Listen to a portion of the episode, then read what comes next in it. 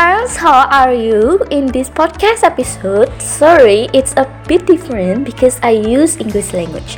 By the way, I hope you can understand it. In this podcast episode, what do I want to talk about? Now, I will share to you guys about the unique culture that I met in my hometown. Do you know where is my hometown? Yep, it's in Yogyakarta, and the name of that culture is the Sekaten ceremony. So, before we start, we have to know what the Sekaten ceremony is. The Sekaten ceremony is a ritual ceremony at the Yogyakarta Palace, which is held every year. The ceremony is held for seven days, from the 5th of Maret in the afternoon until the 11th of Maret at midnight. The Sekaten ceremony is held to commemorate the birthday of the Prophet Muhammad. So, what is the purpose of the Sekaten ceremony? Aims to spread Islam. There are several opinions regarding the origin of the name of the Sekaten.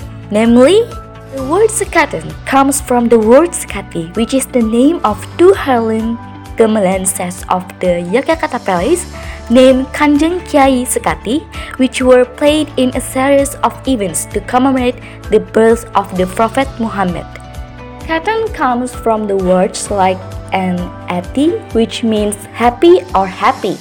This is based on the fact that when welcoming the celebration of the birth of the Prophet Muhammad, people are in an atmosphere of joy. Another opinion says that Sekaten comes from the word Shahadatain, which means the two sentences of the creed that are said when someone wants to embrace Islam.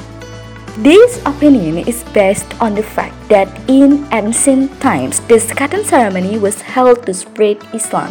By the way, guys, are you curious about the procedure for this Sekaten ceremony? Okay, I will tell you. The first is the preparation stage. There are two types of preparation, namely physical preparation and non-physical preparation. First, physical preparation is in the form of objects and equipment needed in the implementation of the ceremony, while non-physical preparation is in the form of attitudes and actions that must be carried out before the ceremony. The second stage is the Sekaten gamelan begins to sound. The Sekaten gamelan will be sounded in the palace to be processed in the Pancaniti ward located in the Kemandungan or Keben courtyard, namely in the eastern part of the Tratak and the western part of the Tratak. The next stage is the stage of the gamelan Sekaten being moved to the courtyard of the Great Mosque. The fourth stage is the stage of Sri Sultan being present at the Grand Mosque.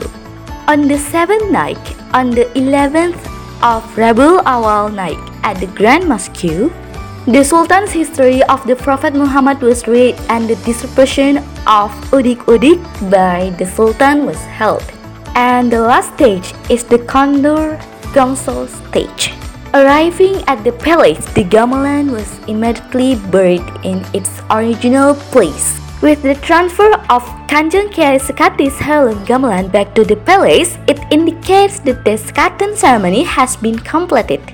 Now, let's try to hear an example of the Sekaten ceremony.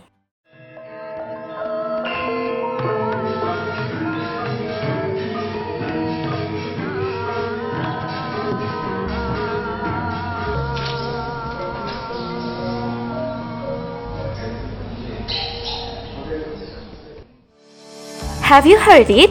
So, that's an example of a Sekaten ceremony. Unique, isn't it?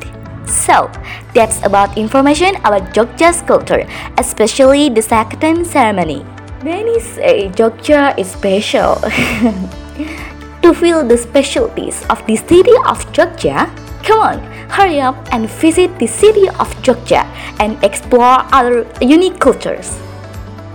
That's all. Hopefully, this episode can add to your knowledge. Remember, whenever you want to provide creative ideas for my podcast, just contact me by DM on Instagram at Naya Fariel. Thank you and see you in the next episode. Bye!